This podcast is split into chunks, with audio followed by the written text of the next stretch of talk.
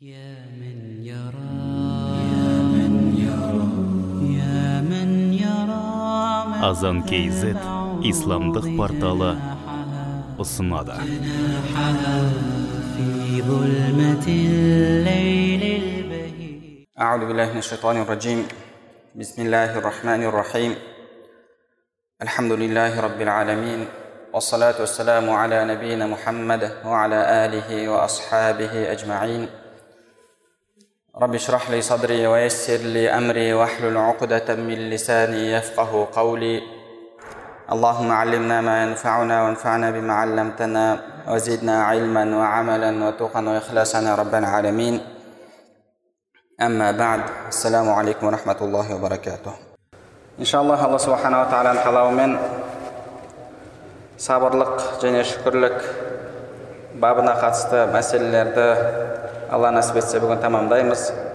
Біз сіздермен бірнеше сабақтар бойы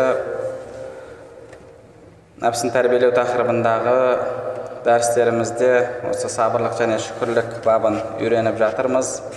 Және өткен дәрісімізде қозғаған соңғы мәселе бұл имам абу хамид ғазали рахмауллахтың сабырлық пен шүкірлік бір мәселеде жинала ма қалайша егер біз адамның басына түскен қиындық алланы алланың пендеге бір жақсылық беру жолы деп қарастыратын болсақ онда оны біз нығмет деп қарастыруымыз керек.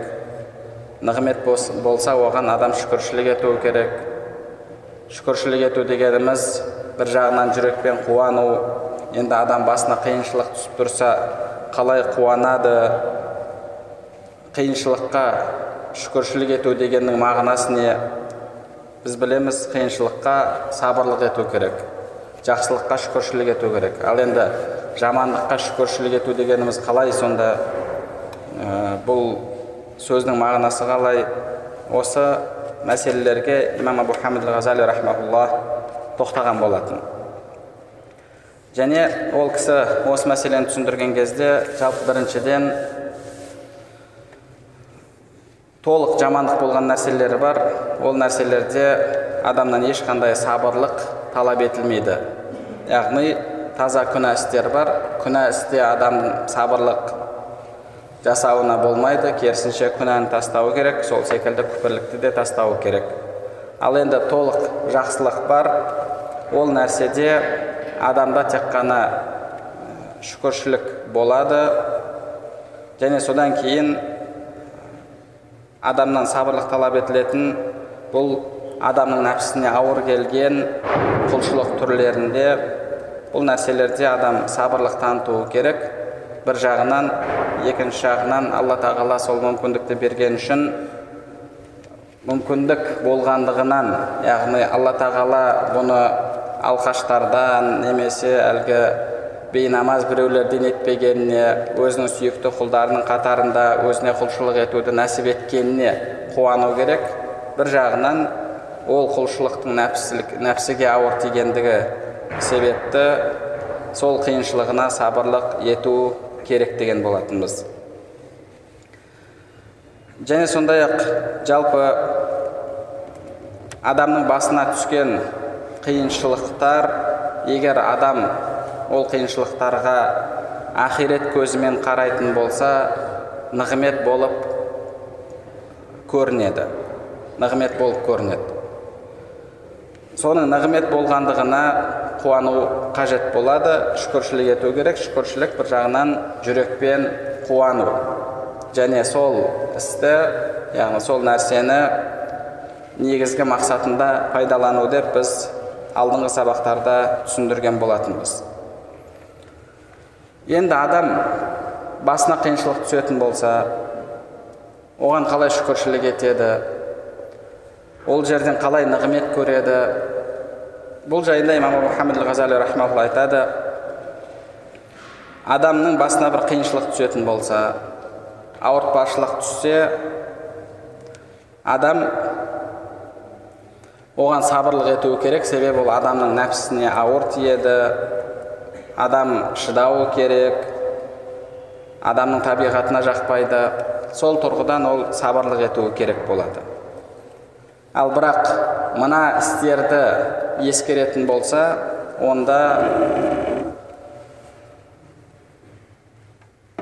егер мына қазір біз айтып беретін мәселелерді ескеретін болса онда әлгі қиыншылықтың өзі ол адам үшін нығмет болуы мүмкін. Яғни ол нығмет жағын байқауы мүмкін. Біріншіден адамның басына қиыншылық түскен кезде ойлау керек болған нәрселерден имам абу хамид ғазали рахимахулла айтады бұл алла тағала қаласа осы басыма түскен қиыншылықтан да ауыр етіп қиыншылық жіберуі мүмкін еді ғой. Алла тағала маған мынандай қиындықты берді басыма сынақты берді бірақ қалағанда бұдан да үлкен етіп бұдан да ауыр етіп берер еді ғой деп адам ойлайтын болса пікірлейтін болса онда құдайға шүкір дейді. Құдайға шүкір қиыншылықтың осы деңгейде болғанына. Бұдан ауыр болғанда қалай болар еді деп адам ойлануы тиіс. Яғни алла субханала тағала мысалы адамның бір аяғын алса аяғы кеткен адам альхамдулилля алла бір аяғымды алды қаласа екі аяғымды алар еді. Саусағы кеткен адам альхамдулилля саусағым кетті алла қаласа қолымды мүлдем алып қояр еді деп бір туысқанынан айырылған адам альхамдулилля бұдан да үлкен сынақ келуі мүмкін еді ғой. Алла тағала аюб алейхисаламға сынақ жіберді. Бүкіл бала шағасынан айырылды. Пайғамбарларына жіберген сынақты маған да жіберу мүмкін мүмкін ғой. Сол үшін де яғни нығметтің осы қиыншылықтың осы мөлшерде болғанына шүкір деп адам сол қиыншылықтың өзін нығмет көрсе болады қиыншылықтың өзін нығмет көрсе болады себебі кейде алла тағала кейбір адамдарға сондай қиыншылықтарды жібереді онымен адам өзінің қиыншылықтарын салыстырғанда альхамдулилля қиыншылығының осы деңгейде болғанына деп айтады мысалы мынау саудиялық шейхтардың бірі өзінің бір уағызында айтқан еді өзі танитын кісі медине қаласында тұрады. Құран жаттаған кісі енді ізгілерден деп адамдар есептейтін кісілерден әйелі және он ба он бір ма баласы бар. Солар өздерінің бір туысқандарына мединеден рият қаласына тойға барады. Тойдан қайтып мединеге шығады жолға. Әкелері қоңырау шалып енді қазір түн түнде шықпай ақ қойыңдар күндіз шығыңдар десе баласы әке жұмысым бар еді ертең ерте сол жұмысқа кірісуім керек жол жақсы шыға берейік деп сонымен түнде шығып кетеді. Түнде шығып кетеді әкесі енді уайымдайды әр жарты сағат сайын хабарласып тұрады. Қалай аман есен келіп жатырсыңдар ма аман есен келіп жатырсыңдар ма? Сөйтіп мединеге бір жүз километр жүз елу километр қалған кезде басқа бір машинамен яғни көлікпен қатты соқтығысады сөйтіп әлгі кісінің әйелі және бүкіл бала шағасы сол жерде көліктің ішінде қаза табады. Бұл кісі енді қай себеппен бармай қалған бірақ бұл кісі бара алмаған. Сөйтіп бір сәтте бүкіл бала шағасынан айырылып қалады. Әлгі кісі айтып жатыр біз көңіл айтуға кірдік дейді әлгі кісіге.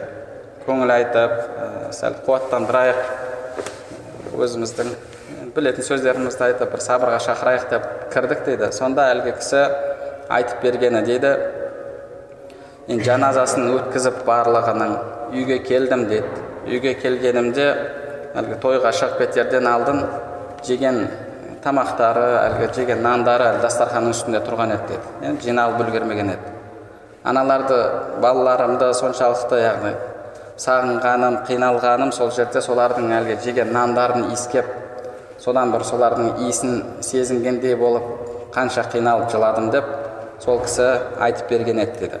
Яғни алла тағала қалады басына сондай сынақ салды. Бір сәтте бүкіл бала шағасынан айырылып қалды. Бүкіл бала шағасынан айырылып қалды. Ондай жағдайды өзіміздің елде де айтып берген кісілер бар еді.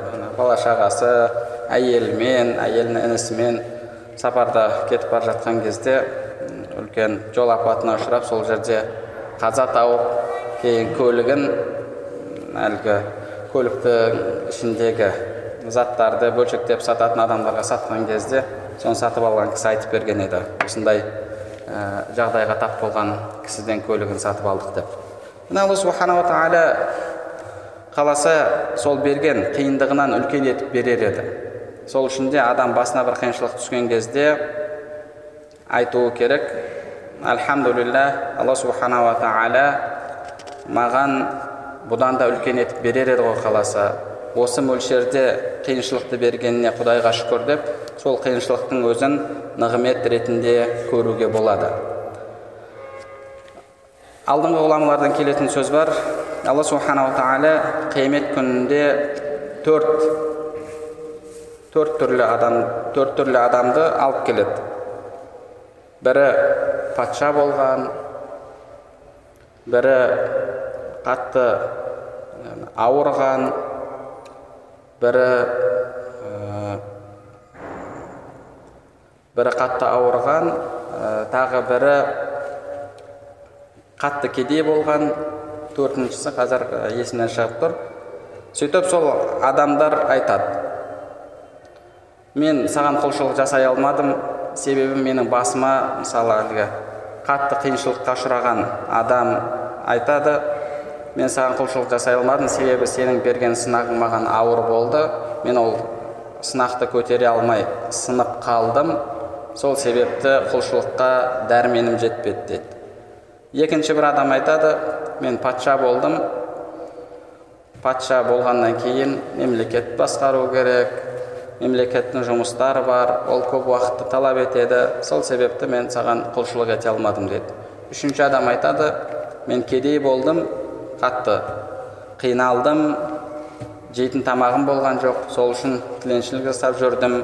Сол себепті менің саған құлшылық жасауға мүмкіндігім болған жоқ дейді сол кезде алла субханала тағала сол үш түрлі адамдарға үш пайғамбарды алып келеді дейді басына сынақ түскендерге аюб алейхисаламды алып келеді. Аюб алейхисаламның басына түскен қиындықтай қиындық енді кімнің адамдардың басына түсе қоймаған шығар. Ол кісі әйелінен айырылды бүкіл бала шағасынан айырылды денсаулығынан айырылды. Бірақ сонда да алла субханала тағала аюб алейхисалам жайында айтады инна біз оны сабырлы пенде ретінде таптық дейді. Яғни ол сабырлы пенде ретінде сабырлық етті алла тағалаға құлшылығын жасады. Кедей болған адамға айса алейхисаламды алып келеді деді айса алейхисалам өте кедей болған. Ал патша болғанға дәуд алейхисаламды сүлейман алейхисаламдарды келтіреді деді олар да патша болды. Бірақ патшалығы оларды құлшылықтан тосқан жоқ. Яғни адам құлшылық етемін деген шынайы ниетте болатын болса оның дүниесі де оның денсаулығы да оның кедейлігі де оның басына түскен қиыншылығы да еш нәрсе оны құлшылықтан тоса алмайды. Керісінше адам құлшылық жасауымен яғни басына қиыншылық түскен кезде қиыншылығын жеңілдетеді. Алламен байланысқа түскен кезде сәждеге басын қойып алла субханала тағалаға дұға еткен кезде адам сол қиыншылықтардың жеңілдегенін сезінеді. Яғни бірінші адамның пікірлеу керек болған нәрсе бұл қиыншылықтың осы мөлшерде болғанына құдайға шүкір. Алла субханала тағала қаласа бұдан үлкен етіп маған берер еді деген нәрсені пікірлеу қажет. Екіншісі екінші адамның пікірлеу керек болған нәрсе бұл аллаға шүкір. Алла тағала осы қиыншылықты осы қиыншылықты маған дүние ісінде бергеніне дін ісінде бермегеніне құдайға шүкір деп адам алла тағалаға шүкіршілігін айтуы керек. Бір кісі сәхіл радиаллаху анхуге келіп үйіме ұры түсті. Үйіме ұры түсіп заттарымды ұрлап кетті деп айтады. Сонда әлгі кісі аллаға шүкіршілік ет. Егер шайтан жүрегіңе ұрлыққа түсіп жүрегіңнен таухидты алып кеткенде не қылар едің деген сөзбен жауап берген. Яғни дүние бүгін болмаса ертең болар. Адам дүниесіз де өмір сүріп жатыр қиналып та өмір сүріп жатыр. Ал бірақ имансыз адам өмір сүретін болса имансыз өмір сүріп о дүниелік болатын болса оның орны ешқашан толмайды. Сол үшін де алла субханала тағала дүние ісінде бізді сынаса сынасын бірақ ақирет ісінде жәннат тозақ мәселесінде сынамасын деп алла субханала тағаладан сұрауымыз қажет алдыңғы кітаптарда келетін оқиғалардан бір кісі бір қарақшы тәубе етіп үлкен ұстаздың алдына келеді рухани тәрбие беріп жатқан ұстаздың алдына келіп сіздің алдында тәрбиеленгім келеді бойымда жаман қасиеттер бар сол қасиеттерден арылғым келеді деп шәкірттік жасайды. Ұстазы оны 5-6 жылдай тәрбиелеп кейін бір күні сынап көрейінші деп орманға отынға жібереді. Орманнан келе жатқан кезде бір адамға табыстап қояды тапсырып мынандай ордың жанынан өтіп бара жатқан кезде итеріп жібер орға дейді әлгі шәкірті отынды арқалап келе жатқан кезде тапсырма бойынша әлгі кісі шәкіртті орға итеріп жібереді. Сонда шәкірт орға отынымен аунап түседі де тұра сала ана кісіге қарап егер қазір бұрынғы халімде болсам бұрынғы кезде болсам енді қазіргі жастардың тілімен айтатын болсақ бұрынғы тентек кезім болатын болса сенімен әңгіме басқаша болар еді дейді сенімен әңгіме басқаша болар еді деді міне қазіргі кезде де бұл сөзді біз адамдардан көп естеміз егер бұрынғы жахил кезім болса субханалла мен бұл сөзге шыдап тұрмас едім әңгіме басқаша болар еді былай болар еді деген әңгіме айтылады енді қазір тәубе еттік қой сол үшін сабырлық етеміз деген секілді сөздер айтылады әлгі кісі де сондай сөзді айтады. Ұстазы естіген кезде айтады бұл әлі ол күндерін ұмыта қоймапты ғой сол күндерін аңсайды екен бұл әлі дұрыс тәрбиеленбепті деді. Кейін тағы бірнеше жылдар тәрбиелеп тура сол оқиға қайталанады. Отыннан келе жатқан кезде тағы бір адам оны орға итеріп жібереді. Орға отынымен оңбай құлап түскен кезде әлгі шәкірті орнынан тұра сала я алла мені бұл дүниенің орына бұл дүниенің шұңқырына қанша құлатсаң құлат бірақ тура осылай өзіме отын болатын әлгі отынымды арқалаған халде мені тозақтың шұңқырына тозақтың орнына құлата көрме деп сол жерде жылап дұға жасаған екен дейді. Яғни бұл адам тәрбиеленіп әлі кез келген мәселеге ақирет көзімен қарайтын болды. Алла тағала бұл дүниеде сынақ берсе берсін бірақ сынақты дүниемізде берсін дінімізде бермесін. Айса алейхисаламнан да келетін дұғалардан аллахумма ла тажал мусибати фи дини я алла бізге берген мұсибатыңды қиыншылығыңды дінімізде ете көрме деп ол кісі дұға жасайтын еді дейді омар радиаллаху анхуден де келетін сөз бар. Қашан бір сынаққа ұшырасам мен ол сынақтан үш пайда көрдім дейді біріншісі сол сынақ дінімде болмағанына құдайға шүкір деймін сол үлкен пайда. Және одан үлкен болмағанына құдайға шүкір. Және үшіншісі мен сол сынақтан сауап үміт етемін деген. Сол сынақтан сауап үміт етемін деді. бір ізгі кісілердің бірінің досын патша алып қамап қояды бір күн. Сонда досы зынданда жатып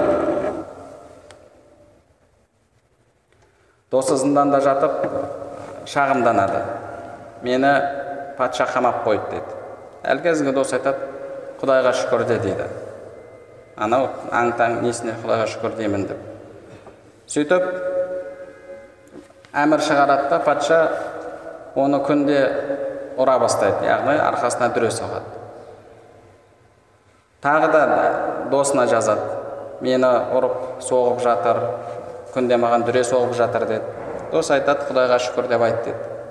Анау тағы да аң таң несіне шүкір деп айтамын мені ұрып жатыр ғой деді. Сөйтеді да бір күні жанына тағы бір адамды қамайды. Тағы бір адамды қамайды да оның қолымен бұның қолын яғни бұның оң қолы мен оның сол қолын бірге байлап қояды. Оң аяғы мен ананың сол аяғын бірге байлап қояды. Сөйтіп екеуі не істесе де бірге істеу керек. Яғни әлгі мысалы жанындағы барып үлкен дәретін сындыру керек болса бұл барып соның жанында тұруы керек соның жанында отыруы керек. Неге? Себебі екеуін бірге байлап қойды. Сонда тағы да досына шағымданады. Осындай қиын жағдайға түстім деген кезде ол айтады құдайға шүкір де егер соны қолыңа емес екеуіңнің беліңе бірге байлап қойғанда не істер едің? деді. Егер екеуіңнің беліңе бірге байлап қойғанда не істер едің? деп жауап берген екен дейді. Яғни адам кез келген қиыншылықты көрген кезде бұл қиыншылық одан да үлкен болуы мүмкін еді ғой деу керек. Және одан кейін жалпы осы қиыншылық дінімде болмағанына құдайға шүкір деу керек. Себебі кейде яғни адам жақсылап ойланып қарайтын болса біздің діндегі халіміз басымызға шынында да сынақтың келуін лайық ететін хал бір ғалымнан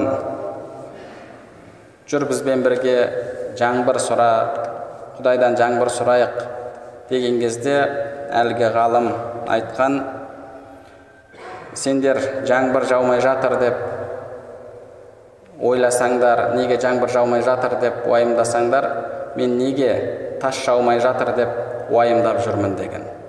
Неге тас жаумай жатыр деп? Яғни біздің мынау халіміз тек қана жаңбырдың тоқтауын емес аспаннан тастың жауында лайық еткен хал біздің алла тағаламен мәмілеміз бұзылған деп ол кісі жауап берген. Енді адам осы мәселені ойлаған кезде басына қиыншылық түскен кезде оған мынандай ой келуі мүмкін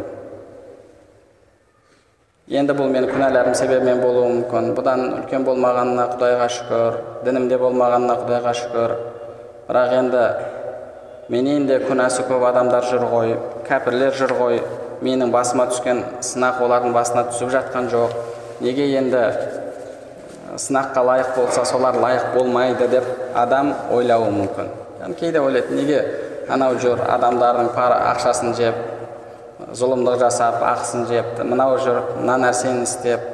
Неге солардың басына қиындық түспейді? Мен таңертең жұмысыма барамын кешке жұмысымнан келемін ешкімнің ақысын жемеймін ешкімнің ала жібін аттамаймын.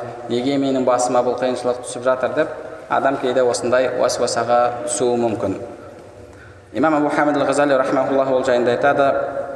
Біріншіден дейді кәпірлерге қатысты алла тағала олардың азабын ақиретте үлкен етті. Оларға мәңгі алла тағала азапты дайындады. Ал мұсылман адамға алла тағала бұл дүниеде қиыншылық беретін болса бұл дүниедегі қиыншылық оның күнәларына кәффарат болады. Пайғамбарымыз саллаллаху алейхи уассалам осы жайында бізге өзінің хадисінде баян еткен. Және құранда аят түскен кезде кімде кім кім жамандық істесе оның жазасын тартады деген аят түскен кезде әбу бәкір радиаллаху анху пайғамбарымызға я расулаллах енді қайсымыз жамандық істемейміз егер әрбір жамандығымыздың жазасын тартатын болсақ онда құрыдық қой деген кезде пайғамбарымыз саллаллаху алейхи уассалам сен ауырмайсың ба? Сенің басыңа қиындық түспей ме? Аяғыңа тікен кірмей ме? Тағы да осындай бір сынақтарға ұшырамайсың ба деген кезде әбу бәкір радиаллаху анху бәлә иә я расулаллах деді. Сонда пайғамбарымыз саллаллаху алейхи вассалам сол қиыншылықтарың сенің әлгі жамандықтарыңа кәффарат деді.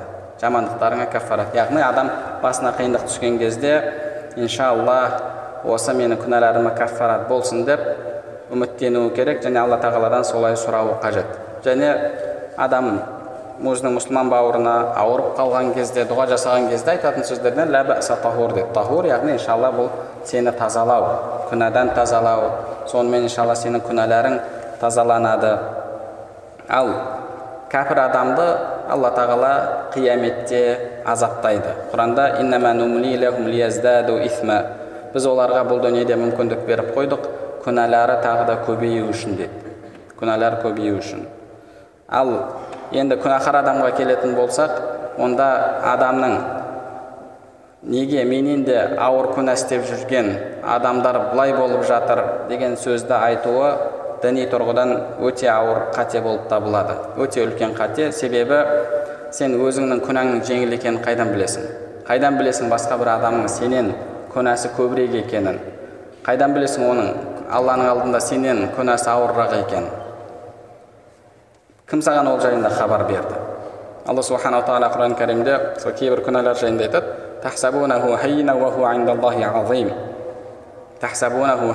сендер оны бір жеңіл нәрсе деп ойлайсыңдар бірақ ол алланың алдында өте ауыр нәрсе дейді өте ауыр нәрсе пайғамбарымыз саллаллаху алейхи уассалам өзінің хадисінде де кейбір адамдар бар тухама тауындай жақсылықпен келеді дейді тухама тауы яғни сол жақтағы мекке медине жақтағы үлкен таулардың бірі. Бірақ алла тағала оның жасаған амалдарын шаң тозаңға айналдырады дейді сол үшін сіз намаз оқып жатсаңыз онда мен арақ ішіп жүрген адамнан алланың алдында абзалмын деп айта алмайсыз. Жеке адамға байланысты. Жалпылама намазхандар аллаға құлшылық жасаушылар күнә жасап жүргендерден алланың алдында абзал деп айта аласыз. Бірақ жеке өзіңізге қатысты. Қайдан білесіз алла құлшылығыңызды қабыл етті ме қайдан білесіз сіздің күнәңіздің жоқ екендігін қайдан білесіз ол адамның күнәсінің мүмкін оның басқа бір жақсылығы бар шығар және одан кейін жалпы әхлі сүннада мәселе бұл соңғы жағдаймен есептеледі деді соңғы жағдаймен тура сол жағдаймен емес яғни имамдарымыз айтады алла субханала тағала иблисті аллаға құлшылық жасап жүрген кезде жек көрді дейді аллаға құлшылық жасап жүрген кезінде алла тағала иблисті жек көрді. Омар радиаллаху анхуды кәпір болып жүрген кезінде алла тағала жақсы көрді дейді неге себебі?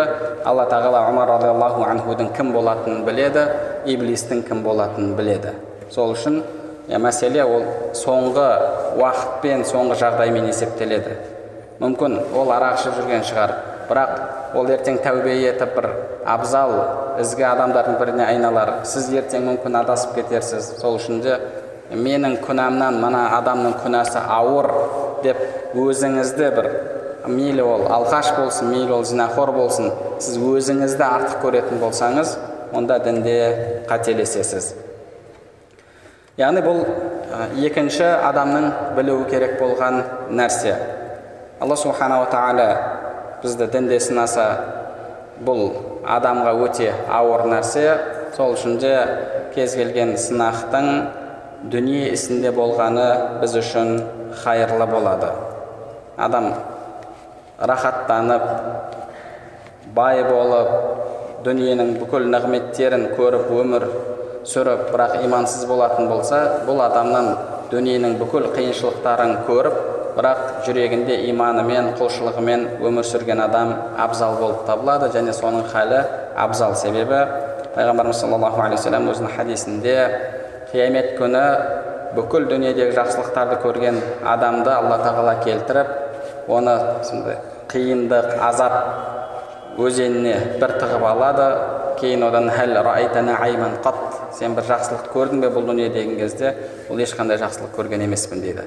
Бұл дүниедегі қиыншылық атаулының барлығын көрген адам келтіріледі. Яғни көз алдыңызға қиыншылықтарды елестетіңіз. Қандай қиыншылықтар бар барлығын елестетіңіз. Соның барлығын көрген адамды алып келеді. Оны өмір өзеніне бір тығып алып бір жамандықты көрдің бе қиыншылық көргенсің бе? деген кезде ол ешқандай бір жамандық қиыншылық көрген емеспін деп айтады. Яғни бұл дүниедегі жақсылық та қиыншылық та рахат та барлығы уақытша болып табылады. Адам ол нәрсеге тек қана сабырлық етуі керек. Сабырлық ететін болса алла субханала тағала иншалла артын хайырлы етеді. Пайғамбарымыз саллаллаху алейхи вассаламға бір күні сахабалар келді. Я расулалла мына кәпірлерге дұға жасашы деп. Меккеде қатты қиналып кеткен кезде сахабалар пайғамбарымыздан солай сұрады. Сонда пайғамбарымыз саллаллаху алейхи вассалам сендерден алдыңғы қауымдардан болған адамдардың бірін алып келіп оның басына араны қоятын еді да аралап екі бөліп тастайтын еді деді.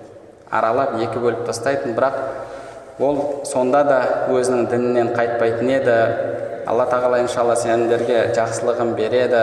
Сондай бір уақыттар болады. Әлгі йемендегі сана деген қаладан хадрамаут деген қалаға адам сапарға шығады. Жолда кетіп бара жатқан кезде қойымды қасқыр жеп кетеді деп қорқады және алладан ғана қорқады. Басқа еш нәрседен қорықпайды деді. Яғни сондай бір тыныштық замандар болады.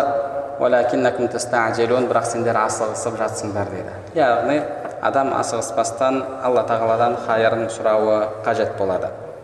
Және одан кейін адамның тағы да білуі керек болған нәрсе пікірлеуі керек болған бұл алла тағала сізге сол іс арқылы сауап жазып жатыр. Көптеген сауаптарды жазып жатыр. Сауабы сол қиыншылықтан қанша есе көп. Алланың сізге жазып, жазып, жазып жатқан.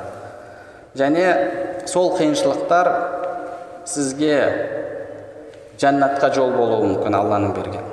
Алла тағала сізге сол қиыншылықтар арқылы жәннатқа жол салып беріп жатқан болуы мүмкін. Оны мына екі жолмен білуге болады екі жолмен білуге болады біріншіден ауру адамның мысалы әші сасық дәріні ішуі ол адам үшін нығмет неге себебі оның ертең шипа табуына ауруынан айығуына себеп болады кішкентай баланы сіз өзіңіздің балаңызды ұрсаңыз оны оқытсаңыз басқа жұрттың баласы сияқты ойнатып қоймасаңыз бұл ол балаңыз үшін нығмет болып табылады. Балаңыз үшін нығмет. Бірақ ол нығмет сол кезде сезбейді. Ол кезде сезбейді оны қашан сезеді? Оны кейін есейген кезде үлкейген кезде сезеді. Балалық шақта ол тек ойнағысы келеді достары сияқты күлгісі келеді оқығысы келмейді. Бірақ әкесі солай тастап қоятын болса бұл оған жақсылық жасап жатыр ма? Жақсылық жасап жатқан жоқ. Бұл ол бала үшін нығмет емес. Сол кезде оған нығмет секілді көрінуі мүмкін. Бірақ шын, шын мәнінде ол нығмет емес. Өзімізде оқуға барған кезде басында енді оқу қызық сияқты болады оқыған бір керемет сияқты болады. Бірақ басқа елге барып жас кезіңде он жасар 11 жасар бала болсаң басқа елге түсіп қалсаң азаннан кешке дейін құран оқытып қоятын болса үйіңді сағынасың туысқандарың сағынасың бір кезде өзің класстастарыңды ойлай бастайсың о ойнап жүр рахаттанып жүр деп. Олар шынында да қарасаң ойнады рахаттанды. Яғни бағанағы ә, адам жас кезінде яғни сол деңгейде ойлайды ғой бірақ имани тәрбие алмағандықтан қазір қамалып жатқандар да бар қамалып жатқандар да бар соңы яғни иман имани тәрбие алмағандықтан діннен ұзақ болғандықтан ол сол мектеп жасындағы барлық қызықты көрді ол әлгі выпускнойларда да бәрінде болды олар бірақ адам сол кездегі сол қиыншылықтардың барлығы нығмет екендігін кейін біледі. Яғни мысалы өз басында кейде ойлаймын ұстазым неге сол кезде қаттырақ ұрмады екен? деп. Ол кезде ұрса сен қиналасың ұстазыңды жек көресің мына ұстазым қатал дейсің тастап кетіп қалғың келеді. Бірақ сол кезде көбірек ұрғанда жақсырақ оқыр едім деп адам кейіннен сол нәрсеге өкінеді. Яғни сіздің басыңызға түскен қиыншылық сол уақытта сізге қиындық болып көрінгенімен негізінде ол алла субханала тағаланың сізге жіберген нығметі болуы мүмкін. Яғни бір адам мысалы ақылынан адасты да жынды болып қалды. Бұл ол үшін нығмет болуы мүмкін бе? Нығмет болуы мүмкін. Себебі кейде ақылдың өзі адамға егер дұрыс істетпейтін болса сынақ болуы мүмкін. Ақылдың өзі сынақ болуы мүмкін. Мысалы әлгі атеист ол өзін ақылдымын деп ойлайды. Ол өзінше сол ақылын істеткен болып дүниеде құдай жоқ деді басқа сөздерді айтты соған түрлі күмәндарды дәлел етіп алып келді. Егер ол адамның ақылы істемесе ол ол нәрсені істей алмайды. Адам ұры болу үшін де ақылды болу керек. Ұрлықты жақсылап жасау үшін де адамға жақсы ақыл керек. Бағанағы біреудің шотына кіріп компьютер арқылы шотын ұрлау үшін де адамға ақыл керек. Бірақ оның ақылы сол адамға нығмет болып жатыр ма? Жоқ нығмет болып жатқан жоқ. Сол атеист сол ақылын дұрыс пайдаланбаған адамдар қияметте мен бұл дүниеде ақылды емес жындылардың қатарында болғанда едім деп армандайды. Яғни жындылықтың өзі алла адамға нығмет болуы мүмкін. Жындылықтың өзі адамға нығмет болуы мүмкін. Адам бірақ ол нығметті көрмеуі мүмкін. Кейде мысалы алла субханала тағала кейбір адамдарды көз көз нығметінен айырып қояды. Ол бір жағынан қиындық әлбетте. Бала шағаңды көргің келеді ағайын туысқанын көргің келеді бұл жарық дүниені көргің келеді. Бірақ сол адам қанша күнәлардан амандықты қанша зина көз зинасынан амандықты сол көз зинасы арқылы қанша адамдар одан да үлкен ауыр істерге күнәларға барып жатыр зиналарға барып жатыр ол сол проблемалардың барлығынан амандықты яғни біз оқыған елде бір яхия хасун деген соқыр кісі болатын көзі көрмейтін енді алла тағала ол кісіге керемет жаттау қабілетін берген ұстазымыз айтады мұхаммад хулис деген ұстазымыз бір отырыста таныстым танысқаннан кейін бір бір жарым екі жылдан кейін ол кісіні көрдім дейді бір жерде көріп қалып ассаламу алейкум деп амандасқан кезімде әхлен би шейх мұхаммад кайфа деп сонда әлгі екі жыл алдын танысқан кездегі атын айтқан сол атын есіне түсіріп шейх мұхаммад қалайсың жағдайларың қалай деп сол кезде айтқан нәрселерімді есіме салып жатыр деді. Таңертең таң намазынан қалмайтын ораза күндері ол кісі алла тағала ол кісіге тағы да керемет дауыс берген еді. Осындай орындыққа отырып адамдардың алдына шығып таң намазынан кейін әдемі дауыспен құран оқып беретін еді. Құран оқыған кезде көзі көрмейді қолымен әлгі арнайы көзі көрмейтіндерге арналған құран бойынша құранды оқып беретін дауысы керемет махражы керемет тәжуиді керемет алла субханала тағала құран кәрімде айтқандай негізінде көздер соқыр болмайды көкіректегі жүректер соқыр болады деді қанша көзі көріп жүрген адамдар бар бірақ олар шын мәнінде соқыр оларға алла тағала сол көздерімен құран оқу нығметін берген жоқ олар көздерін тек қана сол зинаға жамандыққа пайдаланып жатыр. Ал мына адамды алла тағала көзінен айырып қойды. Бірақ оған ол алла тағалаға құлшылық жасауға кедергі болған жоқ. Керісінше алла тағала оны қанша жамандықтан сол арқылы сақтап жатыр. Яғни адам кез келген нәрседен негізі нығметті көруіне болады. Нығметті көруіне болады. Яғни бұл бірінші жолы. Енді екінші жолы жалпы бұл дүниедегі жамандық атаулының барлығының басы бұл хуббу дүния дүниеге махаббат қою. Ал енді адамның үйінде ешқандай бір проблема болмаса сынақ болмаса қиыншылықтар болмаса бұл адам яғни дүниеге жақын болады. Мысалы жұмысы жүріп тұр жұмысында ешқандай қиындық жоқ отбасында ешқандай проблема болып жатқан жоқ. Бұл адам дүниеге соншалықты бауыр басып қалады. Дүниеден ешқашан айырылғысы келмейді айырылғысы келмейді құранда алла субханала тағала айтқандай кейбір адамдар бар мың жыл өмір сүргісі келеді дейді неге себебі ол ешқандай қиындық көріп жатқан жоқ ал бірақ адамның өмірінде қиындықтар болатын болса басында сынақтар болатын болса ол адам дүниені әлгі ешқандай қиындықсыз өмір сүріп жатқан адам сияқты жақсы көрмейді ол адам дүниеден қиыншылықтар көріп жатыр. Дүниені бір зындан секілді түрме секілді көреді. Пайғамбарымыз саллаллаху алейхи вассалам өзінің хадисінде айтқандай дүние бұл мұсылман адамның зынданы кәпірдің жәннаты деді. Кәпірдің жәннаты кәпір деген сөзге бұл жерге тағы да мағына беруге болады. Бұл кез келген алладан бет бұрған адам. Кез келген алладан бет бұрған өмірінде ешқандай қиындығы жоқ өмірінде тек қана жақсылық болып жатқан алладан бет бұрып құлшылықсыз өмір сүріп жатқан адам. Ол адам үшін бұл дүние жәннат бұл дүниеде жәннат ешқандай ода қиындық жоқ. Жәннатта өмір сүргендей өзін сезінеді. Бірақ шын мәнінде ол яғни қияметпен салыстырған кезде ол адам үшін негізінде жәннат емес.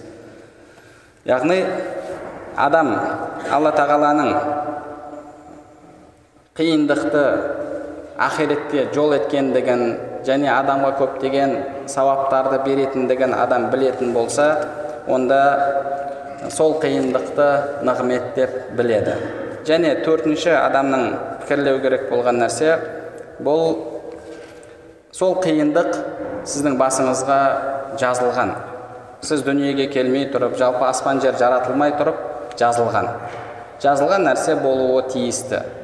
Болды ма? Онда альхамдулилля яғни жазылған нәрсе болды. Әйтеуір енді одан кейін басқа сізге қиындық жазылмаған болуы мүмкін.